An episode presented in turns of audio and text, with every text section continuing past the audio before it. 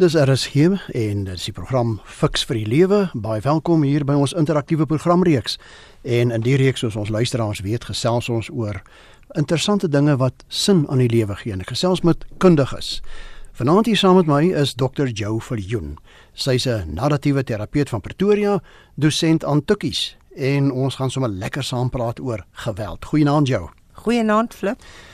Dan moet ek ook vir jou daaraan herinner dat die program nie aan jou as luisteraar voorskrifte gee van presies hoe om te lewe nie, maar riglyne waarbinne jy self keuses kan maak. En RSG stem ook nie noodwendig saam met die opinie van enige persoon wat aan die program deelneem nie. Nou ek het gesê jou in die begin, ons gaan oor geweld vanaand praat. En geweld teen vroue en kinders is 'n kommerwekkende maatskaplike probleem in Suid-Afrika. Maar wat van seksuele geweld? Boelery op skool, emosionele geweld, tuistering, afknouery. Ag ek dink ons kan die lys sommer baie lank maak, nê. Nee. Hoe hanteer ek dit wanneer dit my persoonlik raak? Nou fiks van die lewe gesels vanaand hieroor. Kom ons kop af jou. Waarom is mense gewelddadig teenoor mekaar? Ek kan dit nooit verstaan nie. Ek miskien is ek nou maar meer 'n passivus, nê. Nee. Maar Ja. Watter rede sou jy sê is daar hiervoor? Ja, Flip, weet jy ons word maar uh, met 'n reeks emosies gebore En uh, as jy 'n 2-jarige kind is, het jy twee maniere om dit te hanteer. Of jy beklei of jy uh, blaas jouself op totdat jy jou sin gekry het. En ongelukkig het bitter min volwassenes al 'n ander manier geleer om met hierdie opgekropte emosies um om dit te beheer. En ons vind ons het volwassenes wat goed sal stikkend gooi en mense sal seermaak en lelike woorde sal sê. Of hulle doen die teenoorgestelde en hulle blaas hulle op en dan kry jy die spreekwoordelike stilstype. Ehm um, so ek dink dit is 'n inherente ehm um, hantering van emosies waarvan hulle wat hulle nie weet wat om mee te doen nie. So dis nie 'n geval van mense is maar inherent sleg en daarom doen ek dit nie, nê. Nee, nee ek dink Um ek dink daar's 'n groot verskil tussen woede en frustrasie en aggressie. Want enige ou kan woed, woedend wees en um gefrustreerd voel, maar jy kan nie tronk toe gaan daarvoor nie. Weet jy, ek het al baie keer mense gehoor wat sê, "Ag man, jy moet my nou nie oordeel op hierdie gewelddadige ding wat ek gedoen het. Ek het miskien my kind 'n pakslaatjie gegee." Dan sê hulle, "Daar's verskillende grade van geweld, asof sommige minder ernstig is. Byvoorbeeld fisiese geweld teen teenoor emosionele geweld, boelery teenoor tuistering. Is dit so?" Ek dink mense moet baie kontekstueel daarna kyk. Ehm um, daar is 'n algemene verstaan dat fisiese geweld erger is as emosionele geweld.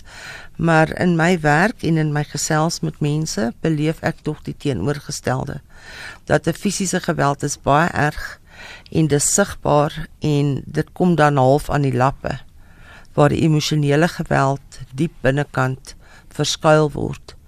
Ehm um, en dat mense langer met die pyn van emosionele geweld rondloop as met fisiese geweld. Waar oral sou jy sê gebeur geweld as ek dit so kan noem? Ehm um, is dit net beperk tot sekere kultuurgroepe, sekere omgewings? Definitief nie. Ek dink geweld gebeur reg langs ons by ons, by die bure, in jou eie huis, in jou eie familie, in jou eie skool, um, in jou eie kerk um, by jou eie winkelsentrum. Dis baie maklik om te sê o, dit gebeur nie by ons nie. Dit gebeur net met hulle. Sekere forme van geweld in sekere gemeenskappe is meer sigbaar. Want sekere gemeenskappe het nie hoë mure en elektriese heininge en duur gremering en mooi groot sonbrille om hierdie goed weg te steek nie. Ja, so dis net meer sigbaar in sommige gemeenskappe. Interessant dat jy gesê dit gebeur in kerke ook, nê? Nee. Ja. Ja, so ons moet maar oplet waar ons oral leef en beweeg, maar waarom gebeur dit jou dat baie slagoffers van geweld, byvoorbeeld nou jy het genoem 'n huisgesin of in die skool of by die werksplek, daaroor stil bly eerder as om dit te rapporteer? Dit is 'n uh, eh, baie keer vir die persoon wat aan die ontvangkant van die geweld is. 'n um, ervaring wat geweldige skuldgevoelens en skaamte verwek dan is daar ook die groot vrees dat niemand my gaan glo nie. En dat my maatjies of my vriende of my familie dan teen my gaan draai. en dat die straf vir die vertel net so groot is soos die straf van die geweld. Dit is dit is RSG met die program Fix vir die Lewe vanaand. Ons gesels oor hoe hanteer ek geweld en my gas is Dr. Joe Viljoen. Luisteraars, julle kan gerus saamgesels, gee vir ons julle menings oor die onderwerp. Julle kan die SMS nommer gebruik 45889. Onthou net die SMS se kos R1.50 of kontak ons ook per e-pos rsg.co.za en natuurlik julle kan ook saamgesels op Facebook. Jou 'n baie belangrike ding vir my, nogal 'n uh, voorkomende ding miskien is om te weet hoe maklik of moeilik is dit om vooraf te weet dat iemand aggressief gaan raak, dat ek miskien daardie situasie kan vermy of ontlont. Hoe maklik of moeilik is dit? Ek dink ons lewe almal in 'n baie na naïewe ehm uh, ons ons lewe baie naïef en ons glo altyd die beste van almal. Ehm um, en eintlik word ons intuïsie uit ons uitgesosialiseer want ons moet vriendelik wees, ons moet gaaf wees, ons moet ordentlik wees. Ag, dit gaan nie weer gebeur nie. So ons het al hierdie goed wat ons vir onsself oortuig. Dit was nou net een keer. Die situasie was so erg. Maar ons weet um, uit ervaring en uit die navorsing uit dat wanneer geweld een keer plaasgevind het, gaan dit weer gebeur. As uh, iemand een keer aan jou geklap het, is die kans baie goed dat jy weer 'n klap gaan kry. Ehm um, so hoe kan 'n mens dit voorspel? Ek dink ons moet minder naïef wees en ek dink ons kan maar gaan kyk na ons ingebore uh waarskuwingsmeganisme van jou intuïsie. If it feels wrong, it probably is wrong. En die ander ding is as dit te goed is om waar te wees, is dit heel waarskynlik te goed om waar te wees. Watter soort effek as ek so kan stel of gevolg het geweld op die slagoffer jou? Dit hang af van watter eh, tipe geweld ons praat. Ehm um, fisiese geweld, ons het ehm um, in my jare as verpleegster het ons in die ortopediese saal nogal gesien hoe vroue opgeneem word met frakture en ehm um, dit was as gevolg van gesinsgeweld en dan as besoektyd kom dan is hulle besig om mooi te maak en haartjies te doen en dan kom die persoon wat haar dan aangerand het met 'n bos blomme en sjokolade en dan is daar net liefde in die lug en groot beloftes dat dit nooit gaan gebeur nie. En ek dink 'n mens beleef so 'n skok as jy so aangerand is en die persoon kom vra so mooi om verskoning dat mens geneig is om te sê goed ek gee jou weer 'n kans maar ons weet dat die siklus van geweld van so 'n aard is dat die tussenposes tussen die gewelddadige aksies met die tyd al hoe kleiner word. Maar hoekom kom vra sulke mense dan om verskoning? Hulle gaan nou weer dit doen, maar nou kom vra ek is jammer. Wat is die rede? Ek dink die persoon wat homself verloor of iemand te lyf gaan vir wie hy lief is, uh, voel ook maar sleg daaroor.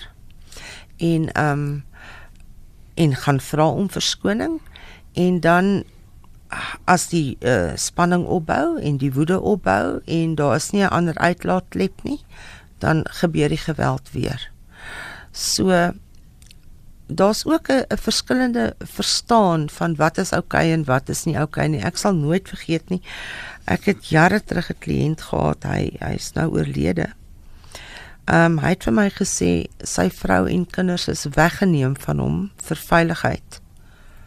Ehm um, want hy was te gewelddadig. En toe ek hom nou mooi uitvra oor hoe hierdie geweld gelyk, toe sê hy maar sy het so vreeslik in sy oor gekerm dat hy met tye haar kop net onder die water gehou het totdat sy ophou asemhaal het en dan sy vir 'n ruk lank nie so baie geneel nie. So kan jy kan jy sien dat daar verskillende grade is van hoe hierdie geweld toegepas word. En da daardie vrou het nie 'n inkome gehad buite haar man se inkomste nie. Ja, en die moeilikheid is nou, jou as ons kyk vanuit 'n Bybelse perspektief, die Bybel sê jy moet 70 maal 7 vergewe. Mm. Hoe moontlik is dit in so 'n geweldsituasie, dink jy? Ek wil net sê ek dink mense wat seer gemaak word op allerlei maniere byt vir baie lank vas omdat ons se eed vir die Here afgelê het om 70 maal 7 moet vergewe maar ons weet ook dat um, in ons land het, het ons baie slegte statistieke van vroue wat in hulle huwelike vermoor word deur hulle eggenote. Ons het slegte statistieke van gesinsmoorde waar ehm um, die pa of die ma, meer die pa ongelukkig die vrou en die kinders vermoor omdat hy nie 'n ander uitweg sien nie. So ons weet dat mense gaan dood as gevolg van geweld. Daar's 'n ander ding wat my bietjie pla. Ek lees nou die dag geweld kweek geweld sê iemand en kan geslagte lank oorgedra word. Hoe korrek dink jy is dit en watter rol speel iemand se opvoeding in die probleem van geweld? Ek dink daar is nogal baie waarde en waarheid hierin flip. Ehm um, as jy nou groot word in 'n huis waar geweld aan die orde van die dag is, ehm um, dan is dit jou eerste leerskool. En wanneer jy dan jouself in jou eie lewe moet as jy jouself moet handhaaf, dan is dit jou eerste manier van reageer. So ek dink in gesinne en in kulture waar klappe uitgedeel word of mense sleg gesê word sonder ehm um, sonder enige kommer daaroor, is dit 'n patroon wat herhaal word van een generasie na 'n ander generasie. Maar dis nie nodig dat dit so aanhou nie. Iemand in die gesin moet eers sê wag 'n bietjie. Hier stop ek nou hierdie siklus. Nou moet ek 'n verandering maak. Ja, en ek sien hierso op uh, ons SMS lyn Joe, kom hier 'n interessante SMS in van Laura hier uit Bethel. Sy sê, "Kan jy my help asseblief met raad? My buurvrou teel met honde en een hond blaf sonder ophou." En uh, ek het al twee keer met haar gepraat. Die desibels is geweldig hoog. Ek kry seer in my ore. Ek slaap min. My bloeddruk is baie hoog en my dokter moes my antidepressant verdubbel. My cholesterol ook verhoog. Met ander woorde, jy kan sien die spanning binne ja, op hier so, nee. Spanning. Uh, dit voel of ek nie meer wil lewe nie. Dit verlam my lus vir die lewe. Wat kan so ene maak want dit bou op tot 'n aggressie seker, nê, nee, tot 'n geweld. Ek is uh, well, dit klink asof hierdie arme vrou regtig uitgelewer is aan die blaffende honde en dit klink na 'n nietige saak maar dit kan 'n geweldige groot effek hê op haar. Um ongelukkig is daar nie regtig instansies wat haar gaan help nie om die honde stil te maak nie. Wat van 'n gesprek met die buurvrou of die buurman? Wat van 'n gemeenskapsgesprek? Wat van as 'n mens met 'n dominee gaan praat en sê help my asseblief net om hierdie beter te verstaan? Want ehm um, ek verstaan dat daar spanning opbou, maar ek wonder waar waar waar, waar praat sy daaroor? Ja. En met wie? Nou, hoe moontlik jou is dit vir iemand wat gewoond is aan die gebruik van geweld om sy of haar gedrag te verander en daarmee op te hou? Jy het nou nog verwys daarna ons hou die persoon hou vir 'n rukkie op en dan gebeur dit maar weer. Maar kan dit ja. permanent gebeur? Ja, dit kan permanent gebeur. Ehm um, dit is wanneer die persoon regtig verstaan wat die effek van hierdie geweld op die ander persoon is. Ehm um, ek onthou 'n mamma het vir my gesê sy het ook maar groot geword met pak slaagie en pak slaagie en eendag het sy haar dogtertjie wat iets verkeerd gedoen het met 'n met 'n tekkie geslaan. Totdat sy skielik in haar kind se oë gekyk het en besef het hoe hoe bang haar dogter vir haar is en net daar het sy opgehou. Sy sê vir my in terapie dat sy vele kere daarna weer 'n paplepel of 'n strap of 'n skoentjie wou gevat het, maar sy het vir haarself gesê, ek wil nie hê my kind moet bang wees vir my nie. Ek wil hê my kind moet lief wees vir my en my respekteer. So ons het daai pad met haar gestap in terapie en dit was suksesvol. Ons gesels vanaand hier in RSG met die luisteraars oor die program Fix vir die Lewe oor hoe hanteer ek geweld en my gas is Dr. Joe Verjoen En luisteraars kan gerus julle menings ook oor die onderwerp van vanaand gee. Hoe hanteer ek geweld? Onthou as SMS nommer is 45889 en die SMS se kos R1.50 of kontak ons per e-pos rsg.co.za. 'n Vraag wat ook baie sterk na vore kom, dink ek, in so 'n situasie van geweld jou is iemand se selfbeeld. Watter rol speel dit en ook die sug na mag in geweld? Ek dink dit is moeilik om te veralgemeen flip oor uh, selfbeeld. Dis maklik om te sê as iemand 'n swak selfbeeld het, dan moet hy iemand boelie of tuister. Um, ek dink dit is baie meer gekompliseerd as net om bloot te kyk na 'n selfbeeld. Maar mag speel 'n geweldige rol in die hele siklus van geweld. Die persoon met die meeste mag het die meeste sê seggenskap. Ehm um, en dis baie keer die persoon wat die geweld uitdeel of dit nou tuistering is en of dit beledigings is en of dit die weerhouding van finansiële bronne is en of die kinders gebruik word om boodskapies aan te dra tussen mekaar of dit seksuele geweld is. Ehm um, so intimidasie en mag en beheer dis maar almal uh, dit dit speel 'n baie groot rol. En dit breek natuurlik iemand se selfbeeld ook af, nee, die slagoffer. Well, die persoon aan die ontvangkant van van die geweld voel naderhand nie nie die moeite werd nie. Ek wil nou vir jou 'n vraag vra. Mm. Ons praat nou hier oor geweld en gesinsgeweld. Mm. Is dit net vrouens wat ly of kan dit ook omgekeer wees dat mans aan die ontvangkant is? Dis definitief ook omgekeer. Die diskurs is net ehm uh, dit waaroor ons praat is mans wat gewelddadig is teenoor vroue. Ja. Daar is baie mans wat deur hulle vroue afgeknou word, baie seuns wat deur hulle moeders afgeknou word, deur hulle sissies afgeknou word. Maar 'n man moet mos sterk wees en stil wees en hy mag nie praat hieroor. Is dit hoekom hulle nie rapporteer nie? Hulle praat nie daaroor nie. En die die die skaamte wat hulle beleef is van so 'n aard dat uh, hulle sal hulle aansien verloor in die groep of in die gesin as hulle daaroor sou praat. Ja. Watter stappe kan slagoffers van geweld daarteen neem en hoe effektief is dit? Ek meen baie van hierdie goed word seker ook by die polisie gerapporteer. Uh, ek dink daar is ook seker sake wat nie eers by hulle uitkom nie wat net by 'n gesins of 'n familielid uitkom, net jou. Daar's baie sake wat nie by die polisie uitkom nie en daar's baie baie sake wat nie eers by die gesin of die ouers uitkom nie. Hoeveel hoeveel mense ehm um, sê dit het 20 jaar laas met my gebeur of dit het 30 jaar het hierdie ervaring met my gebeur en hulle het nog nooit vir iemand vertel daarvan nie. So so met ander woorde, mense moet maar net rapporteer. Jy, jy moet maar aanhou daarmee. Ek dink die groot vrees is verwerping en dat iemand jou nie gaan glo nie.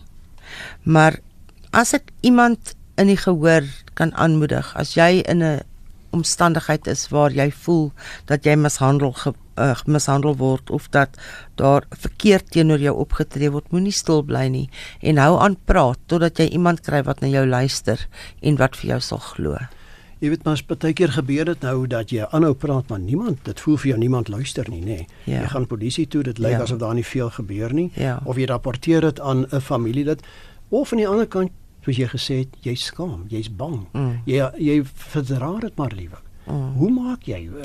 Hou jy maar aan en aan en uit op die ouene draai net maar die gevolge? Ek dink die algemene verstaan in die samelewing is ook besig om te skuif en dat mense begin besef dat hierdie goed regtig gebeur. Ehm um, dat dit nie die dat die dat die persoon aan die ontvangkant van die geweld nie uh, gemeen wil wees om hierdie storie te vertel nie, maar dat daar regtig verwondheid is. En ek dink dominees luister meer gereedelik. Dokters luister meer gereedelik. Um maatskaplike werkers luister meer. Onderwysers kan 'n ongelooflike rol speel om geweld onder jong mense raak te sien en aan te spreek. Maar nou het ek ook al agtergekom dat wanneer jy so iets gaan rapporteer of aan iemand oorvertel, die geweldenaar nie baie gelukkig met jou is nie. Nee, hulle is nie baie gelukkig nie en dit is ook hoekom mense dan eerder bly vir vrede um en die hoop dat dit nooit weer gaan gebeur nie. Um daar is ook daar is ook baie verhale waar 'n persoon dan beplan om hierdie gewelddadige omstandigheid te verlaat want veiligheid is mos eintlik alles. Maar dat hulle te bang is om dan naby familie toe te gaan wat want dan stel hulle daardie familielede ook in gevaar. So dis 'n baie isolerende, vreesaanjaende ervaring om om deel van te wees. Nou kom ons probeer 'n bietjie ons luisteraars help vanaand jou. Waar kan slagoffers van geweld, dis nou aan die een kant, maar ook aan die ander kant die gewelddenaars wat regtig dit wil erken, hulp kry om daar uit te kom, maar ook genees te word. Goed, as daar slagoffers is van geweld, sou ek voorstel gaan praat met jou met jou beste vriend, met jou vertroueling, met jou uh buurvrou, um met die dominee, met die onderwyser, uh met 'n maatskaplike werker, met die hospitaal kliniek. Maak seker dat daar iemand is wat kan hoor wat met jou gebeur. Ehm um, iemand wat gewelddadig optree en graag wil verander, ek sou voorstel dat jy 'n terapeutiese pad volg, want daar is baie suksesvolle terapie om vir mense te help om nie in die ou patrone vas te val nie, want ons is wonderlik geskape. Ons kan baie nuwe goeters aanleer. Um nuwe maniere van wees, nuwe maniere van dink en nuwe maniere van doen.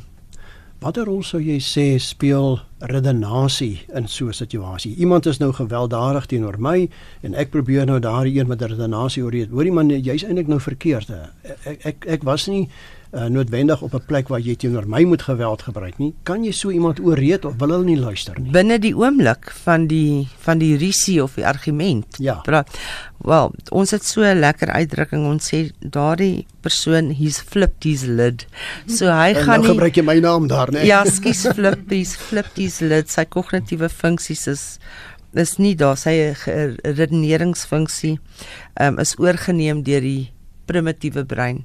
So ek dink nie redenasie gaan in die oomblik veel help nie. Nou wanneer kan jy dit doen? Ek dink as as alles kalmeer het. Ek dink as as daar vrede is, as daar veiligheid is, want 'n redenasie kan die geveg net aanspoor. Hoe gaan 'n mens dit benader jou? Kom ons raak prakties. Gaan jy na daardie persoon toe sê, "Hoorie gisterand het jy dit en dit vir my gesê," dan is jy nou weer beskuldigend teenoor daardie. Jy weet ons ons leer ons kliënte om baie mooi um nie aanvallende taal te gebruik nie, maar om te sê, weet jy, toe dit gisterand gebeur het, het dit hierdie effek op my gehad en ek wil dit graag met jou bespreek. Ja, met ander woorde, eh, dit is 'n ding wat jy nie moet los in die kookpot nie. Nee, jy moet hom nie los nie. En as die persoon nie wil luister dan nie. Wel, dan is jou volgende stap, soos ek net nou gesê het, veiligheid is primêr, dit is die belangrikste ding. As jou veiligheid of jou kinders se veiligheid bedreig is, dan moet jy optree daarteenoor. En dan ehm um, is die pad nou maar die geregtelike pad. Ek wonder baie keer as ons vir die mense raad wil gee, is almal na wie toe ons hulle baie keer verwys opgelei om hulle te help. Ek dink hier aan dominees en miskien pastorale persone of selfs sielkundiges ek dink die professionele terapeute sal kan help. Maar as ons dominees en onderwysers en ehm um, speel skooljuffrouens en uh, moenie moenie sê ek kan dit nie doen nie. Wees net bereid om te luister en wees 'n verwysingsbron. Dis die belangrikste ding wat jy kan doen. Jy hoef nie die terapeutiese pad met die persoon te stap nie, maar verwys hulle net in die regte rigting. Staan hulle by, gaan saam met hulle met hof toe gaan. Wees net daai daai vriend wat omgee want hierdie is baie moeilik vir slagoffers om om alleen te doen. Kyk en daar's natuurlik verskillende forme van geweld ook, né? Nee, daar's baie mense wat uh, miskien 'n klap sal gee, ander wat emosioneel met die stem dit gaan mm. doen en nog ander wat miskien met 'n vuurwapen of 'n ander tipe van wapen mm. dreig. Mm. Mm. Sou 'n mens daar kon onderskei en sê as dit gebeur, moet ek onmiddellik gee pad of hoe maak 'n mens dan? Wel as daar wapens betrokke is, dan moet 'n mens so gou as moontlik, so veilig as moontlik uh, wees. En daar kan jy aan die polisie gaan rapporteer dat jy gedreig is met 'n wapen en hulle kan die persoon dan ontwapen. Nou jou ons tydjie begin so stadig gaan aanstap. Ons moet uh, begin saamvat en afrond. Kom ons wees weer prakties vanaand. Hoe kan ons prakties geweld hanteer in al sy forme, emosioneel, ehm um, hardhandig en dis meer, veral as dit ons eie persoonlike bestand en nouste raak? Ek dink in die eerste plek moet ons erken dat dit wel kan gebeur en dit nie ontken nie. In die tweede plek moet jy gaan kyk wat is die impak daarvan op jou lewe en besluit of jy langer daar wil bly en of jy of jy nie bereid is om daarmee saam te leef nie. Dit is nou 'n huissituasie, nee, 'n huis, in 'n werksituasie dieselfde. Ehm um, in enige situasie. Ehm um, as jy gaan stil bly, gaan dit heel waarskynlik voortgaan. As jy iets gaan sê daaroor, gaan daar dalk 'n bietjie backlash wees, maar dit moet aan die dit moet aan die lig kom. Nou ja, ons het nou lekker baie gesels en luisteraars kan na die tyd ook sekerlik met jou kontak maak, Jou. Baie dankie vir almal se saamkuier. Ons tydjie het uitgeloop, maar gee gou vir ons jou kontakinligting as mense met jou wil kontak maak, jou asseblief. Hulle is welkom om te skakel tydens kantoorure 012 998 8323. Herhaal net weer vir ons. 012 998 8323. En my kontakinligting is die e-posadres flip@mediafocus.co.za. Dit is nou die Engelse woorde Media Focus F O C U S.co.za. Volgende Sondag aan wil ons bietjie gesels oor vrees en wat ek daarmee kan maak. Vrees. En indien jy hieroor vra het, stuur dit vir my by die e-posadres flip@mediafocus.co.za. Tot ons weer saamkuier van my kant af. Totsiens.